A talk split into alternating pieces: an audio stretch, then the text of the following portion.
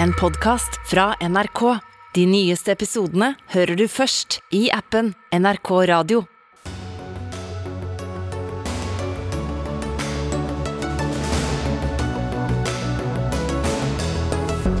Strømprisene bør være til å leve med for de fleste bedrifter, ifølge en analyse fra SSB. Det viser at strømstøtte er helt unødvendig, sier SV. Landets rareste kommunesammenslåing kan stå for fall. To kommuner uten felles grense ble slått sammen for fem år siden. Nå sier innbyggerne sitt. Kunnskapsministeren vil ha en ny plan for digitalisering av skolen, mener den forrige regjeringa ikke leverte. En tidligere kunnskapsminister tar til motmæle. Og store deler av Pakistan ligger under vann. Hele verden må ta ansvar for ekstremflommen, sier VG-kommentator. Dette og mer til får du her i kveldens Dagsnytt 18, i dag ved Sigrid Solund. Mange måneder har deler av næringslivet, fagforeninger og mange politiske partier krevd at norsk næringsliv må få støtte til å betale strømregningene. Men de fleste bedrifter klarer seg faktisk helt fint. Det kommer fram i en analyse som Statistisk sentralbyrå publiserte i dag. Og Ann Lisbeth Bratthaug, du er spesialrådgiver i SSB. Når regningene stiger så mye, hvorfor går det ikke hardere utover bedriftene? Ja, si det du. Vi, det vi har gjort nå, det er en analyse for å prøve å identifisere hva slags næringsgrupper som egentlig er eksponert for den økte strømregninga. Og, og, det vi ser, da, det er at flesteparten vil få en ekstraregning som utgjør mindre enn 2% av omsetninga. Vi kunne også ha sett på resultatet, men vi valgte å gi det i form av omsetning. Så er det nå sånn at hvordan det går da av resultatet, det avhenger av hvor jeg har sånn mye overskudd du har på det du, på det du produserer. Mm. Og i hva slags grad du kan velte økte priser over på kunden. Mm. Og, da, og, da, sier dere at uh, de, disse prisene vil være til å leve med for de fleste foretak. Så hvem er da disse, majoriteten som lever greit med dette? Altså majoriteten. Det er sånn at uh, når vi Nå har vi, vi konsentrerer oss nå om Sør-Norge, for det er der prisøkninga har vært stor. Og det er sånn at uh, 90% av omsetninga i i Sør-Norge da, er i virksomheter som har mindre enn 2 eh, da det vi har kalt det strømsjokket, altså ekstraregninga. ekstraregninger. Uh, og det er bare 5% av uh, foretakene som vil få uh, Som har der ja, ekstraregninga på strømmen vil utgjøre mer enn 4 mm. av omsetninga. Eh, Derfor, det er derfor vi mener at det her er det ganske greit for de fleste, og at det er en viss form for eh, overvelting. Men, eh, eller at du kan regne med å få velt over. Men det er klart at for de 5% som der det er stort, så er det en utfordring. Mm, mm. Og Hva slags bedrifter er det i de fem prosentene? Nei, eh, Det er litt av hvert. Vi, eh, altså det er litt spredt utover, og det er kanskje en del små bedrifter. Nødvendigvis gir det liten omsetning. Eh, vi ser f.eks. at hotell, hotell og restaurant er en gruppering som, som har det relativt tøft.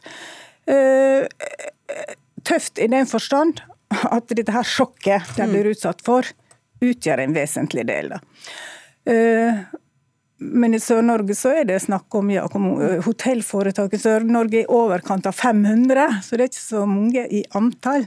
Men over halvparten av dem vil, eller halvparten av dem vil få et strømsjokk som er rundt 5 da. Og litt over 100 av dem vil få nesten 8 ja. Så det er klart at de sliter. Og så er det da sånne ting som fornøy, eh, fornøyelsesparker osv. Sånn. De også bruker en del strøm. Mm. Mm. Så det er store forskjeller, men det har altså gått bra for de fleste så langt. Takk skal du ha, Ann Lisbeth Bratthaug fra SSB. Vi har fått med oss tre politikere. Kari Elisabeth Kaski fra SV, Nikolai Astrup fra Høyre og Ivar Prestbakmo fra Senterpartiet. Sitter alle på Stortinget. Og nå får dere alle det samme spørsmålet. Vi har jo hatt mange strømdebatter eh, i Dagsnytt 18. Nå har vi jo noen nye tall på bordet. og Hva sier disse tallene om behovet for pengestøtte til bedriftene? Vi begynner med deg først, eh, Kaski. De her Tallene bekrefter det som vi har sett tidligere også fra SSB når de publiserte foreløpig nasjonalregnskap tidligere i august. Og Det er for det første at det går veldig godt i norsk økonomi. Eh, det går også veldig godt for norsk næringsliv. Og så finnes det selvfølgelig betydelige variasjoner mellom enkeltbransjer og enkeltbedrifter. Men de tallene her bygger opp under at vi kan absolutt ikke ha en sånn generell støtteordning eh, for bedrifter på strøm. Vi kommer inn på eh, innretning litt seinere, Kaski. Jeg tenkte å ta en litt kjapp runde nå. Astrup, hva sier du? Hva sier disse tallene deg? At det fortsatt er behov for en avgrenset eh, ordning som treffer de mest utsatte bedriftene. Og det har vi ment lenge. Ok, Pressbakmo. Ja, Det forteller oss at uh, de økte strømprisene rammer ulikt, og at uh, den støtten man må få på plass, den må treffe best mulig, sånn at man ikke bidrar til andre typer skjevheter. Og Hvis vi da prøver å finne ut hvordan den sånn type ordning kan uh, se ut, Astrup. Vi hører at det er ganske ulikt. altså Det er noen næringer som sliter, det er noen skal man gå etter størrelse på bedrift, hvem som har tatt enøktiltak, hvor bedriftene ligger. Hvordan skal man klare å finne ordninger som treffer kun dem som absolutt trenger det? Det er, det er, uten tvil krevende. Men hvis jeg bare kan si to ting om den SSB-rapporten også, så er jo den selvfølgelig basert på kraftprisene slik de har vært. Eh, og hvis vi legger dagens kraftpriser til grunn, så kan du regne med å tredoble det tallet eh, som SSB snakker om her. Så f.eks. hvis det er noen som nå har for noen så, ifølge SSB så er det da 8% av omsetningen er strømutgifter. og Du kan gange det med tre, det er oppe i 24% Det er helt uholdbart. For det er veldig mange lavmarginvirksomheter som eh, er rammet av høye strømpriser, som ikke kan velte ja, Bildet kan bli litt annerledes for en del av bedriftene. Ja, Som ikke kan velte kostnadene over på kundene. Det er klart at For dem så er etter kroken på døren. Det er ikke noe, det er ikke noe spørsmål engang. Så, så det som er viktig, er at vi avgrenser en ordning til de mest utsatte virksomhetene. Eh, virksomheter som da ikke kan velte det over på kundene. Og Vi har hele tiden sagt at eh, store eh, virksomheter de må vi kunne forvente at har sikret seg hvis de er veldig avhengige av Men Skal det bare gå etter størrelse? Altså, dere har jo etterlyst en sånn ordning i veldig mange måneder, så dere har jo hatt god tid til å tenke over hva slags elementer den skal inneholde. Og hvordan skal man ellers, altså hvordan skal det avgrenses? Nei, vi, vi, tror jo at man må se på nettopp uh, hvor stor uh, andel av kostnadene strøm utgjør for virksomheten, som er en viktig parameter, og bedriftens evne til å kan du si, håndtere en sånn kostnadsøkning. Noen har lettere for å da kunne øke prisene ut til kunde uh, og dermed klare seg fint. For andre så er ikke det en mulighet. Det blir ganske mange regnestykker da, hvis man også skal ta inn f.eks. hvem som klart, har klart å spare på strømmen ja, dette er, noe, dette er, ikke noe, enkel eh, sak å lage. og Derfor er det så viktig at det er nettopp det faglige utredningsapparatet som regjeringen sitter på, som må gjøre den jobben. Eh, og Nå har de heldigvis begynt på den jobben, og jeg håper det kan komme da eh, til møtet Stortinget skal ha 19.9, slik at vi kan få diskutert det da, så at vi får klarhet i, i hva bedriftene kan forvente utover det som kommer til å bli en veldig krevende høst og vinter. Har dere kommet noen vei? Nå sitter ikke du i regjeringa, men du har jo kontakt med dem som gjør det? Ja, altså Man er i gang. Eh, og Det er ikke tvil om at, eh, og det som er litt av bildet her også, er jo at uh, ting blir jo verre over tid. Men det betyr også at ting endrer seg over tid. Uh, noen vil også tåle uh, ting bedre over tid, andre tåler det dårligere over tid. Så det er mange faktorer. En ting er for så vidt bedriftens størrelse, noe annet er jo at du kan jo drive i samme bransje og ha muligheten fordi at du er i en fase i bedriften sitt liv som gjør at det er mulig for deg å avsette penger og ha, ha ryggrad. Men det som jo også er viktig å ta med seg her, det er jo at i ulik grad så kan eh, deler av næringslivet eh, ta det her ut i prisen i markedet, men det betyr, altså for kundene, altså folk flest. Det er det det vi trenger nå? Litt høyere nei, priser altså, på mange ting? Det er jo et, et, element man må ha med seg, nemlig. For vi har jo en kraftig prisvekst både i Norge og resten av Europa. og da er det klart at den pengebruken man da setter inn, den må gjøres på en sånn måte at den ikke forsterker den prisveksten. Så det er mange elementer som ivaretas her på en fornuftig og trygg og god måte. Det viktigste er at det er ikke noe quick fix, det er ikke noen enkle løsninger, det må gjøres ordentlig og skikkelig. Ok, Så dere er jo på mange måter enige. Um Kaski, dere er ikke med på dette. Dere har tatt til orde for et lån. Hva hjelper det å gi ut lån til bedrifter som antagelig bare kan se for seg høyere og høyere strømutgifter? Fordi det vil gi likviditet som gjør at man kan håndtere de strømregningene som man har nå. Så bør jo eh, en sånn type låneordning kunne f.eks. kombineres med en krav om eh, tiltak for energieffektivisering, eller at man kan ettergi deler av lånet dersom det gjennomføres også energieffektiviseringstiltak. Da får vi benytta en mulighet her også til å nettopp få ned strømforbruket, som er også vesentlig i den krisa vi står i. Og så er det også viktig, tenker jeg, at den, eh, hvis man skal ha en sånn ordning, så må den innrettes spesifikt mot små og mellomstore bedrifter. Og da snakker vi ikke om det på europeisk nivå, da snakker vi om det i en norsk kontekst mot, mot 100 ansatte. Fordi vi risikerer her hvis den ordninga blir for generell eller til for store bedrifter, at det blir store overføringer til kapitaleierne, som, som slipper egentlig å skyte inn mer penger til, til, sine bedrifter fordi at staten stiller opp. og Da øker vi forskjellene og overfører fra fellesskapet til folk som allerede har solide lommebøker. Ja, altså, eh, jeg tenker jo Det er veldig viktig at vi gjør ting på enøktiltak. Men Skal det være et eh, kriterium, syns du? Nei, det mener jeg ikke. Men det er fullt mulig å se for seg at de bedriftene som da ikke er av de mest utsatte, men som sliter med høye strømregninger, de også kan få lån eh, som kan konverteres til støtte hvis de gjennomfører enøktiltak. Det er én måte å gjøre det på. Jeg forventer jo at regjeringen kommer med noe på enøktiltak i budsjettet. Og vi mener også det er behov for en støtteordning for solcellepaneler. Det er masse bedriftstak rundt omkring i landet som kunne hatt det.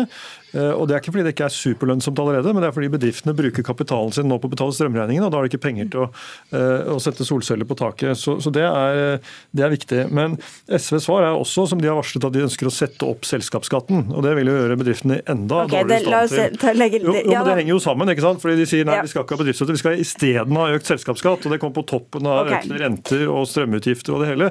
Og det er i hvert fall ikke det norsk næringsliv men, nå trenger, når alle, kostnadene på alle innsatsfaktorer Men enten man lager det som lån eller som støtte, så blir blir det jo ganske byråkratiske ordninger. Under pandemien så lagde dere, eller den regjeringa du satt i, veldig allmenne regler eller, eller, støtteordninger som dere sa at ja, noe av det kommer til å bli, eh, gå til bedrifter og folk som ikke trenger det, men sånn må det bare være. Det er for vanskelig å treffe dem som trenger det. Hvorfor er det annerledes nå?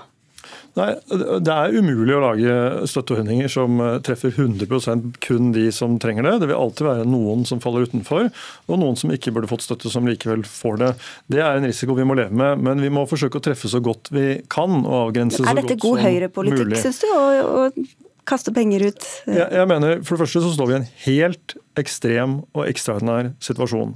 Under normale omstendigheter så må bedriftene selv ta høyde for at eh, kostnader varierer. De må sikre seg og ta ansvar for det selv. Nå er vi altså i en situasjon hvor eh, strømprisene eh, har gått det er fem, seks, kanskje ti kroner noen steder.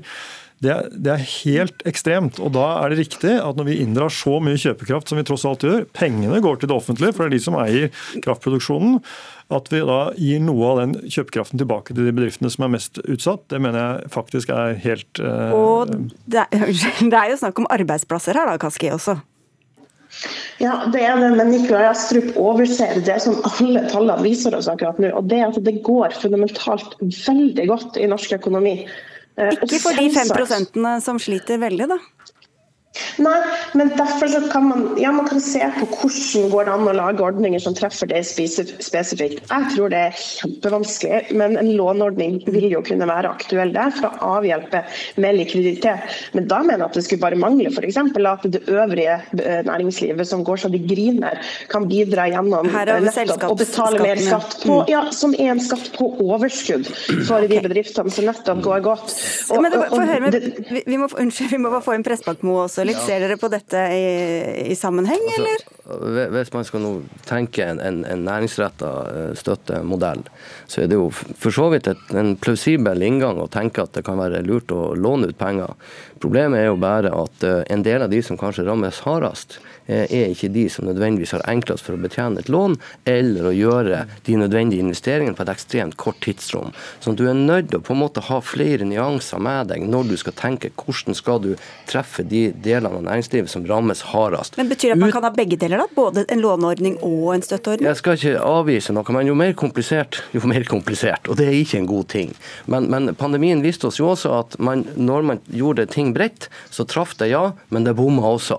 Og det betyr at vi må faktisk, og det, og det er ikke sånn at vi er en avgrensa situasjon. Det er ikke sånn at strømsituasjonen og alt det her er over om et halvt år. Det er ikke sånn, dessverre.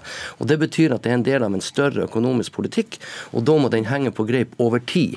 Og Da er det at det er viktig hvordan vi bruker pengene, og hvem som faktisk får nytte av det. Hva skal jeg avbryte deg sammen, bare et kjapt spørsmål til slutten. Hvordan er det hensiktsmessig med høyere priser for alle, som jo blir resultatene hvis man skal lempe mange av disse utgiftene over på forbrukerne? Men Det er resultatet allerede. De bedriftene som har mulighet, de lemper det her over på priser. og Dersom vi i tillegg gir statlig støtte til de bedriftene, så har vi ingen måte å forhindre eller garantere eller, eller kontrollere at det ikke lempes over i priser.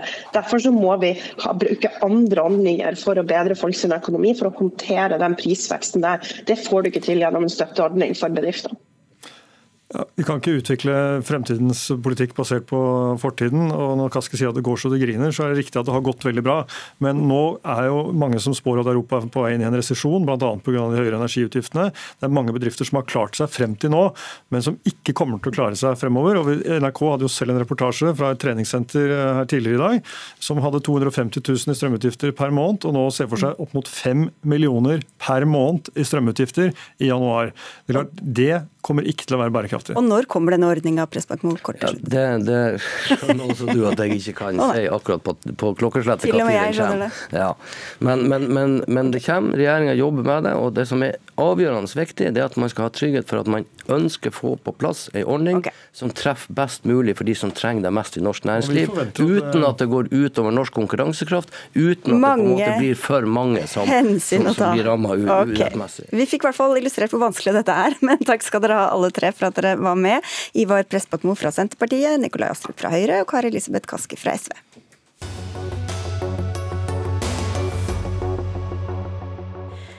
I dag kan framtida til landets kanskje mest spesielle kommunesammenslåing bli avgjort. Storkommunen Kinn i gamle Sogn og Fjordane ble slått sammen av kommunene Vågsøy og Flora. Flora, men det spesielle er at de har en kommune, nemlig Bremanger, mellom seg. Dermed består eh, Kinn av to kommuner uten felles grense, som de som følger med oss på TV ser eh, her. Det tar over en time med båt og to timer med bil å komme fra Vågsøy til Flora. Nå, snart eh, om 40 minutter, skal en rådgivende folkeavstemning om skilsmisse eller fortsatt ekteskap mellom kommunene avsluttes. Fredrik Smiley Egeberg, du er kommunestyrerepresentant for eh, Senterpartiet i Kinn. Du kommer fra Vågsøy og har engasjert deg sterkt for en oppsplitting. Hva er det som står på spill? Ja, det, det, det som står på spill, det er vel at vi må få tilbake kommunene våre til Eh, få, få tilbake kontrollen, sånn at folket får lov å få meninga si hørt. De har jo eh, blitt totalt overkjørt når den kommunen her ble innført. Eh, kommunestyret gjorde et knapt vedtak, til tross for at over 60% av folket den gang ikke ville ha den storkommunen eller sammenslåinga med Flora. Så, så, det som står på spill nå, er vel at vi, må, at vi håper på vi skal få tilbake Vågsøy. Mm. Selvfølgelig nå uten Brygja, siden de gikk over til Stad i samme tidsrom som vi ble, ble kjent. Men likevel, vi er nå en veldig kompakt og lettdrevet kommune, så vi håper på at vi skal få, få bli det. Andre håper på noe annet. Martin Hagen, du har ikke noen partipolitisk tilknytning, men du er initiativtaker til aksjonen Oppsida, som kjemper mot en oppsplitting, også opprinnelig fra gamle Vågsøy kommune. Hvorfor er det viktig å beholde denne storkommunen? Eh, nei, for det første kan jeg jo bare si at eh, dette her handler jo om at nå, er, nå har vi lagd en kommune. Og det handler ikke om at vi skal gå tilbake. Nå må vi se framover, og, og da, eh, da, ser vi at vi, det er veldig mye Kinn som fungerer. Vi har, vi har lagd en, en hel kampanje som vi bygger på artikler som er samla opp fra de siste to årene, helt fra Kinn kommune ble etablert. der vi trekker fram veldig mange ting som faktisk fungerer. Tjenester, eldreomsorg, eh, planarbeid. altså det, det, det at du kan få bygge hvis jeg skal flytte hjem, så trenger jeg hustomt. Da må jeg få regulert, uh, få en planregulering som gjør at jeg kan få en tomt å bygge et hus på. Sant? Men Hvordan gir det mening å ha en kommune som ligger langt fra hverandre, med to bestanddeler? Nei, altså Det er selvfølgelig et godt spørsmål. Dette, dette handler om å utvikle den kystregionen vi kommer fra. Det er ikke noe lengre avstand i, i, eh, til Florø enn det er til Eid, f.eks. i fjorden. Men der er det gode forbindelser med vei. Eh, her jobber jeg jo for å lage en ny arbeidsregion, eh, og vi er godt i gang med det. Det, det nå, går nå fire båter ut om dagen. Du kan sitte og jobbe på båten og pendle mellom byene, som jeg vet flere gjør allerede. Eggeberg, Det er altså fem år siden det ble vedtatt en sammenslåing. Siden har jo tjenestene slått seg sammen, og vi hører at de fungerer godt ifølge Hagen i hvert fall. Hvorfor skal man bruke ressurser på å splitte det opp igjen? De tjenestene fungerte like godt før det ble Kinn. Det er ikke noe pga. Kinn de fungerer. Det som har vært eh, en ting som mange har nevnt, det er jo planavdelinga som vi hadde i Vågsøy. Og den var, eh, Det kan vi vel være enige om at den ikke var ideell. Men det er ingen grunn til at Vågsøy ikke skal kunne klare å ta seg av de tjenestene sjøl. Og i selvfølgelig en overgangsperiode, dersom man trenger det, så får man jo eventuelt kjøpe tjenestene fra Flora, som nå eh, til hvert har begynt å bli kjent med, med hvordan det ser ut og hvordan det er, hvordan folk er her i, i, eh, i Vågsøy. For Det er jo en av de tingene som er problemet, at avstandene er jo mye lengre enn det han viser til. Det er ikke like langt til Florø som til Eid. Jo, hvis du har fly, men det har de fleste ikke. Hvis du skal kjøre bil, så er det ja, to og en halv gang lengre å kjøre til Florø. Og de fleste kjører faktisk bil. Det går båt. Skal du bruke båten til Florø, så bruker du, skal du gjerne opp igjen til Måløy òg. Da okay. går det to og en halv time tur-retur. Ok, vi får en Hagen her. Ja, altså Vi kan snakke om, eh, masse om å kjøre bil. Eh, det jeg reagerer på, er jo at eh, hvis en deler seg opp, så kan en jo bare kjøpe. Det forutsetter jo at Florø har kapasitet til å gi oss de tjenestene hvis vi deler oss. Det forutsetter òg at Vågsøy har penger til å betale for det. Og Nå har en fått en BDO-rapport, altså en rapport som er bestilt av Kommunaldepartementet gjennom Statsforvalteren som er gjort av BDO, og den er helt tydelig på at økonomien blir svekka hvis en deler kommunene og fagmiljøene blir svekka. Det går utover barnevern, det går utover eh, plan eh, og regulering, det går utover psykologtjenester, PPT, mange andre viktige fagfelt. Um, så jeg, jeg mener Egeberg ser litt lett på dette her. Hvorfor kan man ikke heller prøve å få det til å fungere, da, Egeberg, å og ta vare på det som fikser, og så, som funker, det, og fikse det, det andre? Det har jo vært Unnskyld. Det her har jo vært en kommune som ikke har fungert i det hele tatt helt siden den var oppstarta. Um, nå er det sånn at det er såpass høyt konfliktnivå i, uh, mellom representantene i kommunestyret og alt sammen. Og den saka om Kinn og den såre følelsen som vi sitter igjen med her i Vågstad etter vi ble uh, Ja, vi føler oss tvunget inn i en kommune fordi at vi sa nei. Um, den følelsene vi sitter med her, de er, sitter så djupt at det er ikke bare å si at nå skal vi gjøre sånn eller sånn. Og Det er tjenestene som man snakker om, barnevern og sånne ting, det er lovpålagte tjenester. og Det er ikke noe som vi kan Men, ta lett på Egeberg, vi, og er en. Vi er i en situasjon der finansministeren fra ditt eget parti sier at her må vi spare, nå må vi prioritere. Hvorfor skal vi da ta hensyn til følelser for å bruke masse penger på en kommuneoppsplitting? Det er jo ikke sikkert man bruker så mye penger om man ser litt lenger frem i perspektiv. Hvis man tenker fire-fem år, så kan de kostnadene være en, en, del kroner, faktisk. Men hvis man ser et 50-årsperspektiv, så snakker vi ikke om så store summene. Eh, det kan godt hende at det vil bli dyrere å opprettholde en som ligger med sånne avstander. Eh, enn det vil være å drifte to kommuner som ligger på sine egne områder. Men eh, lokaldemokratisk er jo det aller største utfordringa. Nå vil jo de politikerne, Når det kommer til neste valg, så vil jo de fleste politikerne som blir valgt, bli valgt fra Florø-regionen, fordi at de er altså over 12 000 innbyggere, mens Vågsøy har 5500. Det er klart at kjøttvekta vil rå, og det, det vil føre til at politiske avgjørelser blir tatt i større og større grad i Florø. Og De har jo allerede flytta alle etatssjefene herfra til Florø, så de følger jo ikke opp avtaler de egentlig inngikk ved inngåelsen av kommuner. Hagen. Ja, altså det hele, Alt du sier nå, Egeberg, bygger jo på mistillit. Altså Det vi har sett til nå de siste to årene, er jo at, eh, at florøværingene tenker på hele kommunen. Altså, vi har politikere som jobber for utvikling av hele kommuner. Vi har sett eh, altså, Ta plan og regulering. Nå bruker vi voldsomt med ressurser på å utnytte steinmasse for verdens største skipstunnel som skal bygges utenfor Måløy. som skal legge til rette for en ny vei på Rødeberg, og som skal legge til rette for næringsutvikling og flere bedrifter. Blant annet. Vi må nesten gå til vår politiske kommentator. Det er um, en folkeavstemning altså, som avsluttes om 36 minutter. Da kommer det også en valgdagsmåling. Lars Nehru Sand, politisk kommentator i NRK. Dette skal jo bare være en rådgivende folkeavstemning. Hva, hva kommer det til å bli lagt vekt på, tror du, etter den? Det, det er jo opp til kommunestyret å tolke når de har møte på onsdag. Dersom det er et veldig stort flertall i Vågsøy for skilsmisse, men totalt sett eh, flertall for å bli, så vil jo det bli en debatt selvfølgelig om hvordan man skal tolke det resultatet. Det kjennetegner jo en del av disse folkeavstemningene vi har sett, f.eks. da Innlandet eh, bestemte seg for å, bli værende som, som, et fylke. og det, Sånne debatter kan det meget vel bli også her. Og det har jo vært en del sånne debatter, som du sier, men hva slags symbolsak er Kinn kommune, som vi snakker om nå? Jeg tror nok at de tre kommunene Senterpartiet i valgkampen i fjor så for seg som, som veldig gode eksempler på kommuner som burde reverseres, og var Kinn åpenbart av de si, visuelle grunnene du, du startet uh, denne tematikken med. Uh, I tillegg til da Haram, den lille kommunen utenfor, uh, eller som i dag er en del av Ålesund, og da Søgne utenfor Kristiansand. Haram har nå bestemt seg for å bli en egen kommune igjen, og i Søgne så er det den prosessen vi, vi, godt kjenner til fra i sommer. Og De tre kommunene der er sammen med Troms, Finnmark og Viken gode symbolsaker for Senterpartiet på hva som var galt med Solberg-regjeringens reform. Ja, for Hvordan ble det sånn at man lagde en kommune som hadde en annen kommune mellom seg?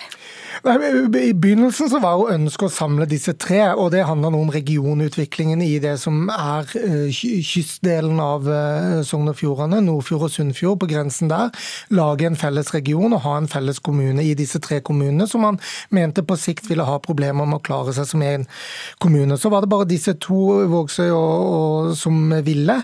Og når da Bremanger kraftkommune blir liggende i midten, noen vil si med alle inntektene sine, eh, så eh, ble det sånn at Stortinget og Fylkesmannen, som det da het i Sogn og Fjordane, ønsket å med viten og vilje gå, gå, videre med de to som en frivillig sammenslåing. Og Den folkeavstemningen Vågsøy som det vises til her, den ble jo holdt etter etter at Stortinget fatter sitt vedtak. Og så Sånn sett så har det vært mye som er spesielt der. Det som også er spesielt, er at dagens Kinn og Bremanger har mye mer interkommunalt samarbeid enn de tre kommunene hadde i, i sin tid. Og Hvordan det går får vi en pekepinn på altså om en halvtime. Tusen takk skal du ha, Lars, og takk til deg Martin Hagen og til Fredrik Smiley Egberg.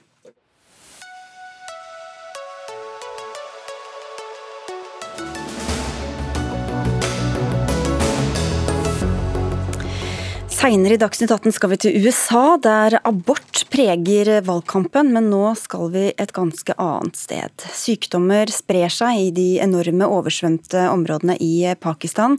Leger i landet behandler folk for diaré, hudinfeksjoner og andre vannbårne sykdommer. Ifølge myndighetene er flommen den verste i landets historie. Yama Wolasmal, du er korrespondent i Beirut og følger situasjonen i Pakistan. Hvordan lever menneskene i de utsatte områdene? Jeg tror til tross for de sterke bildene vi har sett de siste ukene, så er det vanskelig for oss å forestille seg de lidelsene som utspiller seg i Pakistan akkurat nå. Men, men den dødelige statistikken taler sitt klare språk. Opp mot 1200 mennesker er døde. 33 millioner pakistanere er drevet på flukt fra eh, hjemmene sine av flomvannet. 10 millioner hjem er delvis eller helt ødelagt. 5000 km med veier er skylt vekk av flomvannet. 700 000 husdyr er døde. Dette er livsgrunnlaget til millioner av fattige pakistanere. Og fortsatt står hundretusener av pakistanere i disse vannmengdene, avskåret fra omverdenen. De har ikke fått rent vann og mat på flere dager, og de aner ikke når hjelpen når dem. Så det er rett og slett en helt forferdelig situasjon i Pakistan akkurat nå. Ja, hva er, eller Hvordan går det med hjelpearbeidet? Altså Hjelpen kommer sakte, men sikkert frem. Det internasjonale samfunnet har økt innsatsen. FN er i sving, internasjonale hjelpeorganisasjoner er i sving. Regionale land som Tyrkia og de rike oljerike araberstatene som Pakistan har et godt forhold til, har sendt flere titalls militærfly med nødhjelp og forsyninger. Men ut ifra de bildene vi har sett fra de verst rammede områdene, så er det altså lokale NGO-er, lokale frivillige helter som står på dag og natt for å komme seg til de flomrammede, til flomofrene. Jeg har sett bilder av frivillige som hopper i flåter ut i elver hvor vannet fosser av gårde en helt ufattelig fart, i håp om å redde de menneskene som sitter fast i vannmengdene. Så hjelpen er på vei, men det er langt fra nær nok til alle som er rammet av denne flommen. Takk skal du ha, Yama Shazia Majid. Du er kommentator i VG og datter av arbeidsinnvandrere fra Pakistan. Hvordan er det å sitte her og se og høre på hva som skjer i Pakistan? Vanskelig og overveldende. Dette denne flommen eh, er jo den verste som har rammet Pakistan. Det var en storflom i 2010, og denne her er mye verre. Og Det er klart at det gjør inntrykk utover det normale for oss pressefolk. Vi, vi, ser jo mye rart eh, gjennom hverdagen og, arbeidet vårt, men det er klart at det treffer mye nærmere når det er områder som man kjenner igjen, og det er områder som moren din peker ut for deg, for hun har vært der. Så det er klart at det er tøft fordi at det er så enormt. Hva slags historier hører du fra Pakistan, da? Det er jo det, eh, det er eh, dette her med fortvilelsen og den desperasjonen og hvor lenge det har vart. Det er noe med at man ikke klarer å fatte. De som bor der heller ikke forstår hva de står midt oppi. Fordi at det har regnet usedvanlig mye, usedvanlig lenge. Altså Enkelte steder så er det jo syv ganger mer nedbør enn det som er normalt. Men det som jeg tror har truffet hardest, det er de dramatiske bildene vi så i helgen fra nordområdene i Pakistan, som er veldig kjente turistdestinasjoner for lokale folk. Eh, og da se hoteller du har bodd på, restauranter, altså friområder, et utrolig vakkert område, bare bli gjenstand for vannmasser du aldri har sett maken til. Du skriver i en kommentar i VG hvor du appellerer til verden og ber om at andre land reagerer, eh, i stedet for å vise empati, altså skal de vise hjelp. Hvordan har verdenssamfunnet et ansvar for det som skjer, mener du? Det eh, pakistanere, mange av dem, er sinte for, i stadig større grad, er jo at de, eh, Pakistan står for under 1% av klimagassutslippene i verden. Mens de er det åttende mest sårbare landet når det kommer til klimaendringer. Så de betaler jo prisen for eh, vår velstand. Altså det globale nord, industrialiserte land Vesten. Altså vi som uh, produserer mye av det klimagassene. da. Kikki Kleiven, du er med oss også. Du er direktør ved Bjerknessenteret, som har flere av Norges fremste klimaforskere. Og du leder egentlig en konferanse om fortidsklima nå, men har revet deg løs for å være med hos oss. På denne konferansen så skjønner jeg at dere også snakker en del om det som skjer i Pakistan. Og hva sier de pakistanske og indiske forskerne der om det som skjer der? Det er jo akkurat det som er tatt opp nå. Det er det ekstreme. Eh, dette at eh, denne type monsun, monstermonsun, som den gjerne nå har kommet ut i media, det er ikke noe som er blitt sett tidligere. Uh, også det som det at dette monsunregnet skal komme hver eneste sommer, det er jo utrolig viktig for denne regionen. 70-80% av nedbøren til India og Pakistan, Bangladesh, kommer gjennom monsunen. Men det som har skjedd nå er at vi har ekstremt regn over en veldig lang periode. Jorden har blitt veldig fuktig.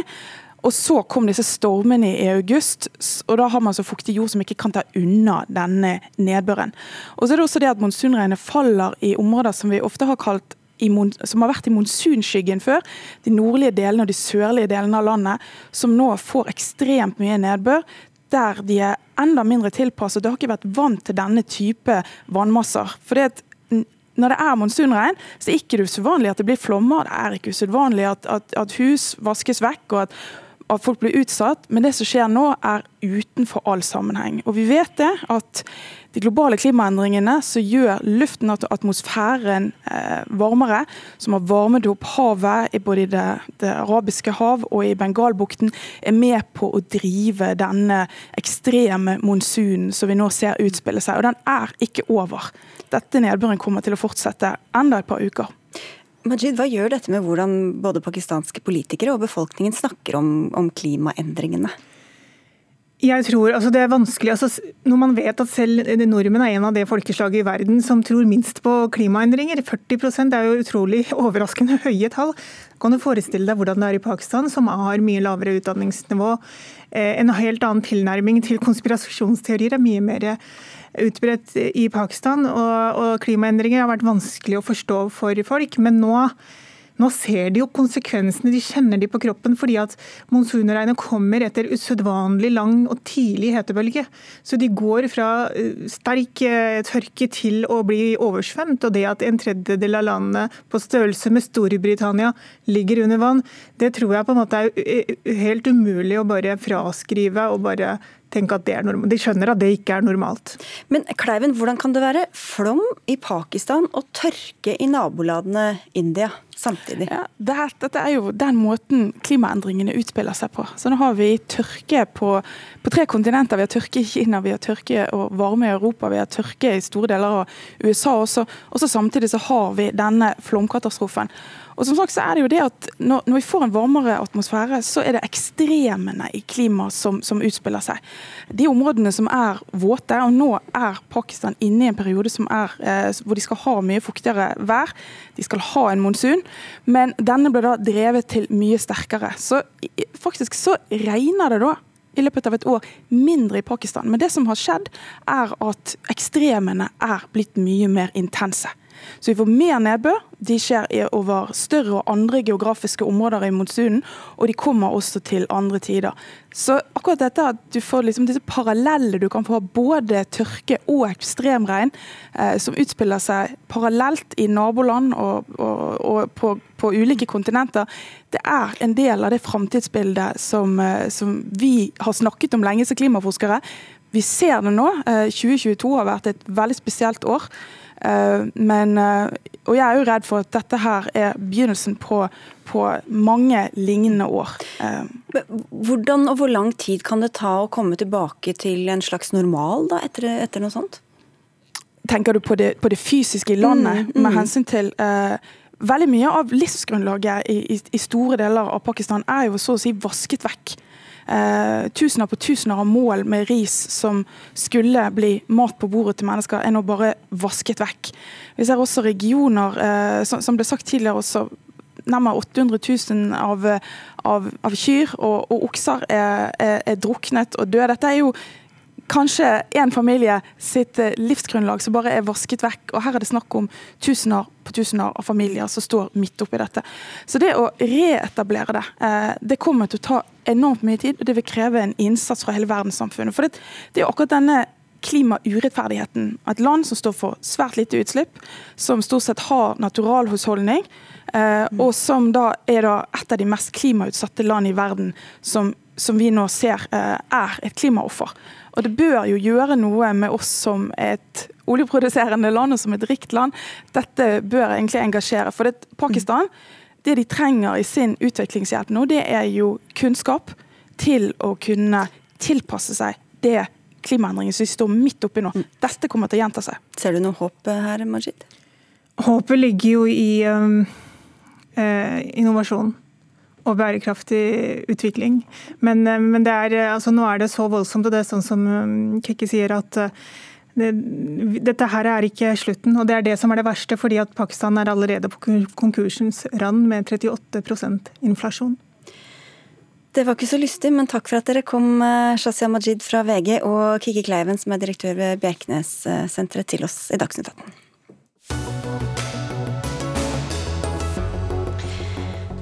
Brått var skoleferien over, og de siste dagene har hundretusenvis av elever vendt tilbake til en hverdag med bøker og blyant og viskelær. Eller ikke alle, da. For en del skoleelever er de fleste bøkene erstattet av nettbrett eller PC, og det eneste læringsredskapet blir et eh, firkantet uh, sak som lyser ved berøring og veier rundt en halv kilo. I morges hørte vi kunnskapsminister Tonje Brenna kritisere den forrige regjeringa for å ha drevet en ukritisk digitalisering i skolen. Hun er på budsjettkonferanse, men du er med oss, Halvor Hølleland. Du er statssekretær i Kunnskapsdepartementet. Hva er det som ikke fungerer i skolen når det gjelder det digitale, mener dere? Jeg tror mange foreldre er overrasket over at mer tradisjonelle måter å lære på, eh, det å bruke penn og papir, trykte bøker, eh, at det raskt har eh, gått ut av skolen uten at man helt skjønner hvorfor. Så tror jeg også mange er overrasket over de store forskjellene. På én skole så kan man være heldigital, ha høy kompetanse, mye bevissthet. Mens på andre skoler, og de kan gjerne ligge rett i nærheten, så, så man, bruker man ikke digitale verktøy i det hele tatt. Eh, og Det har jo vært mange skolereformer eh, opp gjennom tiden, men det er få reformer som har vært så gjennomgripende som den digitaliseringen vi har sett eh, de siste ti årene. Og Regjeringen er ikke trygg på konsekvensene for elevenes læring. Åpenbart at digitale læremidler kan ha positive effekter for motivasjon og for læring, men den gjennomgripende digitaliseringen som vi har sett nå, det har vi egentlig ikke et kunnskapsgrunnlag for å forsvare. Jan Tore Sanner, du er skolepolitisk talsperson på Høyre for eh, Stortinget og tidligere kunnskaps- og integreringsminister. Hvordan syns du det har gått eh, med deres reform i skolen når det gjelder digitalisering? da? Digitaliseringen i skolen har foregått over eh, en veldig lang periode. og Derfor så fremmet vi både en digitaliseringsstrategi i 2017 som gikk ut i 2021, en egen handlingsplan for både å se på digital infrastruktur og personvern, som er veldig viktig. Eh, og så fikk vi på plass nye læreplaner i 2020, eh, hvor det er to ting som er viktige. Eh, det ene er at elevene skal ha digital kompetanse. De skal ha teknologiforståelse og kunne algoritmisk tenkning, men også at de skal kunne stille seg kritisk til det de finner på nett gjennom digital dømmekraft. Det vi har vært opptatt av, det er at man gjennom digital, digitale læremidler så skal elevene lære mer. En iPad er ikke noe, eller nettbrett er ikke noe mål i seg selv. I 2017 så lovet Arbeiderpartiet nettbrett at alle elevene ville ha ut blyant og papir. Det sier jeg nei til. Jeg mener at vi må ha et kritisk holdning også til bruk av digitale verktøy. Men nå hører vi hva som var målet, hva dere ønsket å oppnå. Ehm, så hører vi kritikk om at det har blitt for tilfeldig eller at det har gått for fort. Men hva syns du, hvordan har det gått? Ja, Hvis du ser på, på de evalueringene som er gjort, både av Utdanningsdirektoratet, av, eh, av eh, miljøet i Trondheim og av Gilje, av Sintef i Trondheim mm. eh, professor, og professor Gilje, så peker man på at veldig mye går i riktig retning. Eh, der hvor jeg mener at, at, det er behov for økt satsing, gå på lærernes kompetanse. Og så trenger vi en diskusjon eh, om elevenes totale eh, nettbruk og skjermbruk. Og jeg er også svært opptatt av at elevene må lære seg å lese lengre tekster. Derfor så trenger vi fortsatt bøkene i norsk skole. okay. Og så skal man bruke digitale verktøy når elevene kan lære mer gjennom den bruken. Hølleland? Ja, på 2000-tallet har vi jo faktisk gått fra en situasjon der flertallet av 15-åringer leser lengre tekster på fritiden og leser bøker på fritiden, til at flertallet ikke gjør det. Eh, men Det skyldes spør... ikke nødvendigvis hva som skjer i skolen, men hele utviklingen i samfunnet? Ja, Problemet er at utviklingen er den samme i skolen også. Når man spør eh, 15-åringer hva som er den lengste teksten de har lest i norskfaget så svarer over halvparten at det er en tekst på under ti sider. Og Det har selvfølgelig også noe med eh, digitaliseringen å gjøre. Og Vi ser dessverre nå en utvikling etter Høyres skolereformer på 2000-tallet med lavere motivasjon, spesielt på ungdomstrinnet mer vi... stress blant ungdom og også svakere skoleresultater. Okay, la oss prøve å se litt hva vi vil ha, da, istedenfor å snakke om hva som har vært de siste 20 årene. Line Gårde Paulsen, du er direktør for kompetanse, utdanning og samfunnskontakt i IKT Norge. Dere ønsker også en ny plan, men hva skal den planen inneholde? Altså aller først så vil jeg velkomme den debatten som er tatt opp her nå. For jeg tenker det at politikere får ta del i debatten i det store og hele, er veldig fint. Eh, vi så jo det at pandemien førte til en lyndigitalisering. Og det vi ser som en konsekvens av det, altså den digitaliseringa har vært bra, men det som har vært en konsekvens er at det er store forskjeller mellom kommuner. Og det er store forskjeller mellom skoler innad i samme kommune, og det er til og med forskjeller innad mellom ulike klasser. Så det vi ønsker, det er at man skal ha en god strategi, men det må følge penger med. Det må følge tilskuddsordninger. Både for å sikre digital infrastruktur og for å sikre digitale læremidler. For bare da vil læreren ha reell valgfrihet. Var, men prøv å eh, si det sånn at alle foreldre og besteforeldre skjønner hva du mener. Ja, jeg tenker det at uh, For at læreren skal få lov å velge hvilke læremidler de skal bruke, så må vi ha både bøker og digitale læremidler. Så alle må ha det samme og kunne det samme, og så kunne velge når man skal bruke det og ikke? Ikke nødvendigvis at alle skal bruke det samme, men at læreren skal få lov til å velge hvilke verktøy de vil ha til ulik undervisning. Og så kan elevene uh, få lov å ha ulike verktøy hvis det er sånn at de motiveres av ulike verktøy. De får tilpassa undervisning av digitale læremidler, og læreren får mulighet til å gi mer direkte tilbakemelding. Ok, det, Jeg tipper at du er enig i det, Sanner, men det som kanskje er litt um, vanskelig her, er jo hvor mye dette skal være styrt fra topp, og hvor mye som skal være opp til hver enkelt kommune, f.eks., hvis det er så store forskjeller. Ja, det er, det er, et viktig spørsmål. og I de planene som vi la frem, og som vi også jobbet etter, så var vi veldig tydelige på hvilket ansvar som ligger hvor. Eh, fra statens side så eh, har vi ansvaret for læreplanene. Der skal vi sørge for at alle skal eh, lære det samme gjennom kompetansemålene. Med digital kompetanse, med digital dømmekraft og teknologiforståelse. Eh, og vi eh, satser også stort på lærernes kompetanse gjennom etterutdanning. Eh, og så satte vi av en god del midler. For inneværende år foreslo vi vel i overkant av 100 millioner til det vi kalte for den teknologiske skolesekken. Men det er skoleeier, altså kommune og fylke, eh, sammen med skoleleder og lærere, som bestemmer hvilke læremidler du skal bruke. Vi må ha tillit til lærerne. Og jeg er litt overrasket over at Arbeiderpartiet nå varsler økt styring av lærerne, når man samtidig samtidig har ønsket en tillitsreform. Det er læreren som er nær elevene, og de må også vurdere skal vi nå bruke penn og papir, eh, eller skal vi bruke et digitalt verktøy. Skal mindre makt eh, gis til både skole, lærer og kommune, Hølleland? Nei, Det er lærerne som eh, skal bestemme. Problemet er at Sanner fratok lærerne muligheten til å velge, fordi han ikke fulgte opp sin egen reform, fagfornyelsen, med å sette av nok penger til læremidler. Eh, det gjorde at Men, mange okay. Vet du hva, Jeg er litt lei av å snakke om alt som skjedde før. Hva, hvor er egentlig uenighetene? Hva er det dere vil gjøre annerledes enn det som er i dag? Jeg tror det er enighet om f.eks. at lærerne skal velge eh, lærebøkene, eh, læremidlene. Men eh, problemet er at de må jo ha en reell, reell mulighet til å velge. Og da må de jo ha penger til å kjøpe inn læremidler. Eh, og mulighet til å okay, velge ulike Det du sier er bare at dere skal gi mer penger, er det det som er forskjellen? Nei, jeg tror nok at uh, den tidligere regjeringen stolte i veldig stor grad på markedet. At alle læremidler som var tilgjengelige var til det beste for elevene. Vi vil nok styre dette sterkere, ha en klarere plan også nasjonalt på hva slags læremidler som slipper inn i skolen. Det betyr ikke at vi skal godkjenne hvilke læremidler som skal uh, brukes, men det er klart at det må være en terskel for å komme inn uh, i skolen. det er jo en utfordring både når det gjelder koblingen til læreplanverket, eh, personvern, universell utforming, mange av den okay. mange av de temaene. det vi det er jo en regjering totalt uten mål og mening, hvor man ikke klarer å få frem hva er som er forskjellen. Jeg er glad for at regjeringen nå varsler at den skal følge opp vår digitaliseringsplan, få mer kunnskap. Men hva betyr, altså Skal man ha mer skjermbruk? Min, altså det som mange er opptatt av, er jo også, ja. som vi var inne på innledningsvis, altså mange barn sitter, og ungdommer sitter på skjerm, enten de spiller eller ser på ting, veldig veldig mange timer mm. om dagen i fritida. Hvor mye skal de gjøre det i skolen? Ja, og det er den viktige diskusjonen.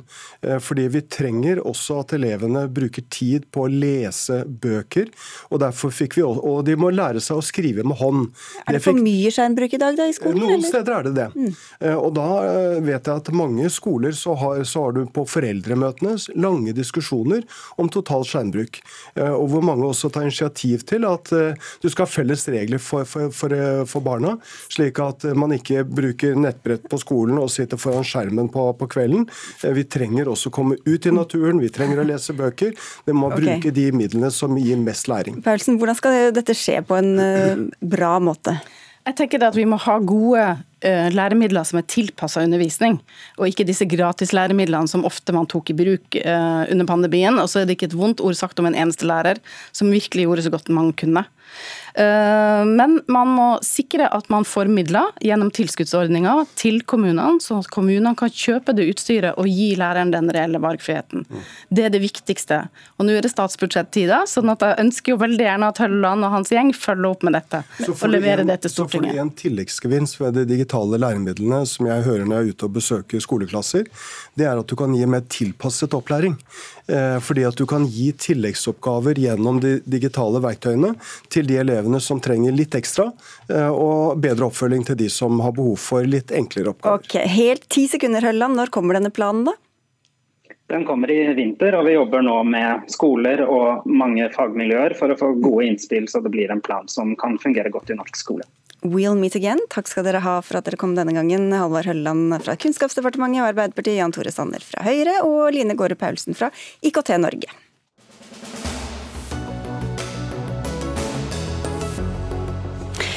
Og da skal vi til USA, og den tidligere republikanske visepresidentkandidaten og guvernøren Sarah Palin hun tapte kongressvalget i Alaska. Demokraten Mary Peltola gikk seirende ut. Tove Bjørgaas, USA-korrespondent, bare la oss hvile litt ved dette. Det er mange som husker Palin fra valget i 2008, da hun var visepresidentkandidat for John McCain, og de tapte for eh, Barack Obama. Hvorfor ville hun egentlig inn i Kongressen igjen?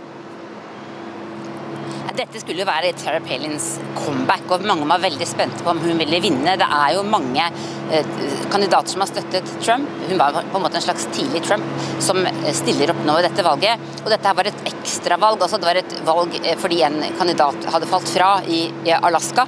Eh, og dermed så er det en slags test for det som skal skje når det er kongressvalg i november. Men Palin hun tapte, hun. Og det er jo sannsynligvis spikeren i kista for, for, henne politisk for en god stund fremover. Ble altså slått ut av Mary Peltola en relativt ung demokrat med uh, urfolksbakgrunn. Og Hvorfor gikk det sånn, tror du?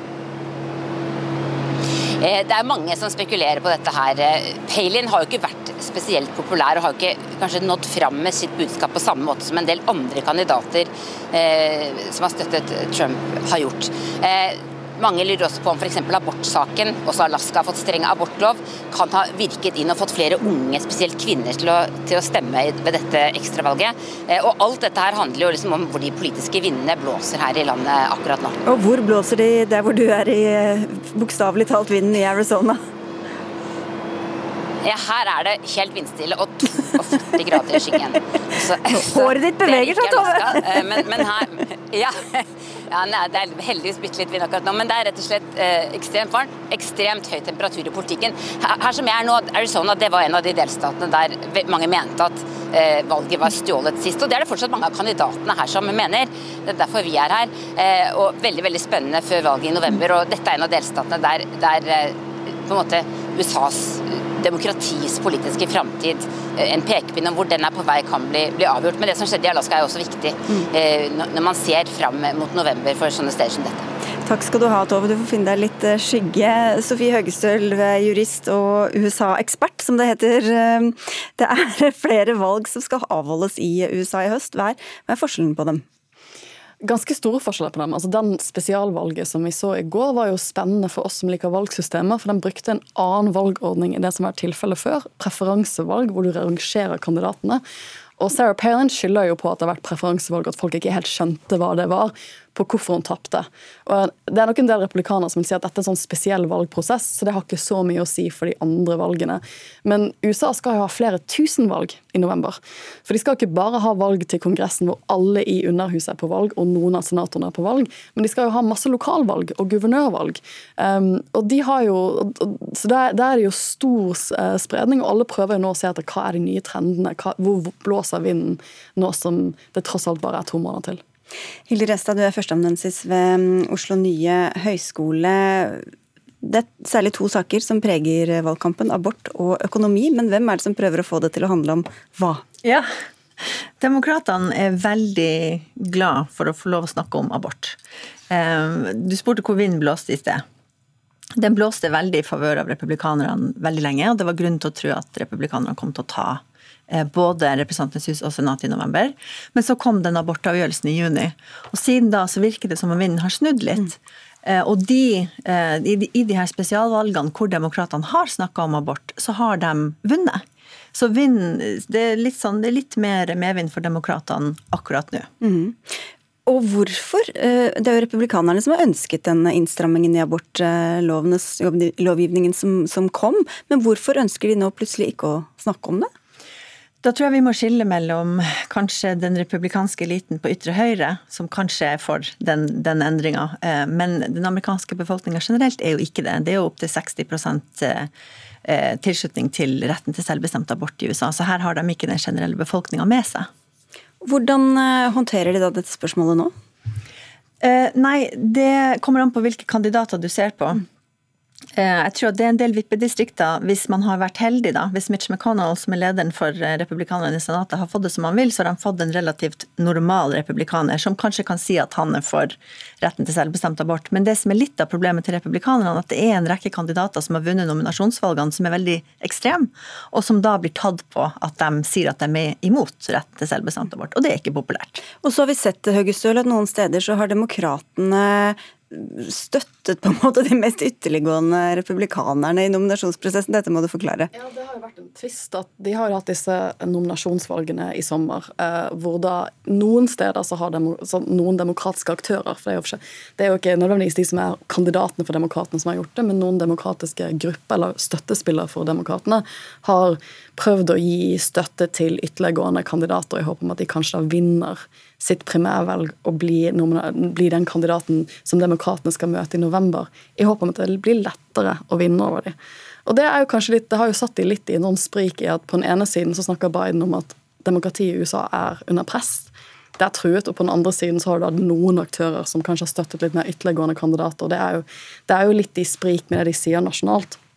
Men jeg tenker Det som er spennende med abort, uh, spørsmålet i forlengelse av det Hilde nå sier, det er jo at Kansas eksempel, hadde en folkeavstemning om eh, abortspørsmålet i sommer. og Det er jo en stat som man tenker på som ganske konservativ. og Der fikk eh, aborttilhengeren solid seier.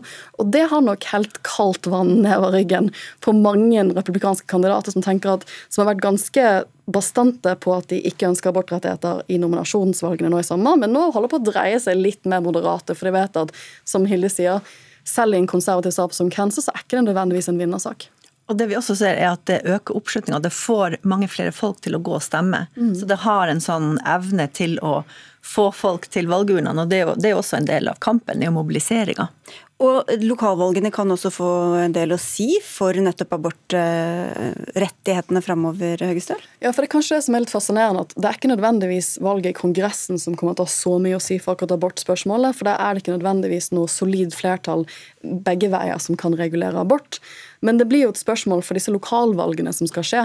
Og der er det jo egentlig de lokale folkevalgte som nå skal bestemme over abortrettighet. Og da ser du at alt fra Virginia til North Carolina til Wisconsin så er dette aktuelle saker. Eh, Michigan. Kan, og Michigan som kan mobilisere velgere lokalt til å gå og stemme på demokrater. Og Da håper nok demokratene at det vil føre til at de også stemmer på demokratene i kongressvalget. Dere nevnte Joe Biden. Han er jo ikke spesielt populær, eh, Resta. Hvordan preger det demokratiske partiet? Han har ligget under eh, Han starta ganske OK, men han har ligget under 50 i, år, i et år nå. Mm. Men vi ser at den akkurat har approval rating, den har begynt å gå oppover nå siden i sommer. Mm. Eh, men den er fortsatt altfor lav til at, skal, at, han på en måte skal drege med seg noe parti. Så Sånn sett så er det veldig dårlig nytt for, for demokratene. Og så må vi jo si at Akkurat nå så ser det ut som det er, liksom, det er litt medvind for demokratene, men det skal veldig mye til for at de skal holde på Representantenes hus. Og hva skjer da? Da, det er mest sannsynlig at republikanerne tar Representantenes hus, men demokratene kanskje holder på Senatet. og Da vil du få en sånn situasjon hvor de nye republikanerne som tar over Representantenes hus, vil starte masse etterforskninger av Biden-administrasjonen. Prøve å skape masse trøbbel, stoppe opp all lovgivning. Etterforskning av, av hva? Av absolutt alt de kan tenke seg. Jeg tror særlig da Hunter Biden uh, ja. Altså sønnen og mm, mm, Ukraina og så ja, videre? Ja, ja. Og F det FBI nå har vært og gjort hjemme hos yes, Trump, sure. kommer til å bli et stort mm -hmm. tema. Ja, hvordan eh, Trumps eh, skal vi kalle det skygge, eller påvirkning av det republikanske partiet, hvordan eh, spiller det inn? Jeg tror litt dynamikken nå er at republikanerne har lyst til å snakke om økonomien, og de har lyst til å snakke om hvor upopulær Biden er, for det er gode saker for dem. Mens demokratene har lyst til å snakke om abort, og så har de også lyst til å snakke om at Trump er tilbake på banen. For er det én ting som også mobiliserer blå velgere, altså demokratenes velgere, så er det Trump, og at han kan komme tilbake igjen. Så han lysker rundt omkring. Han er jo ikke på valg i år, men han er jo absolutt i skyggene, for han har jo vært med på å få inn mange av de kandidatene kandidatene på republikansk side. Og så har han jo satt seg inn i, dette, i denne valgkampen igjen ved alt det som skjer rundt at hans hjem blir ransaket av politiet. Mm. Men er han en eh, fordel eller ulempe for republikanerne deres, da?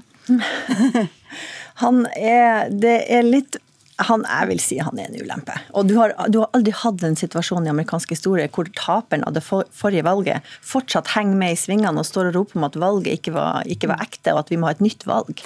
Det er godt det alltid er valg nesten i USA, så har vi bestandig noe å snakke om. Takk skal dere ha begge to, Hilde Restad og Sofie Høgestøl. Dagsnytt 18 er ved veis ende, men vi er jo tilbake i morgen. Anne Katrine hadde, jeg hadde ansvaret for innholdet, Frode Thorshaug for det tekniske, og jeg heter Sigrid Solund.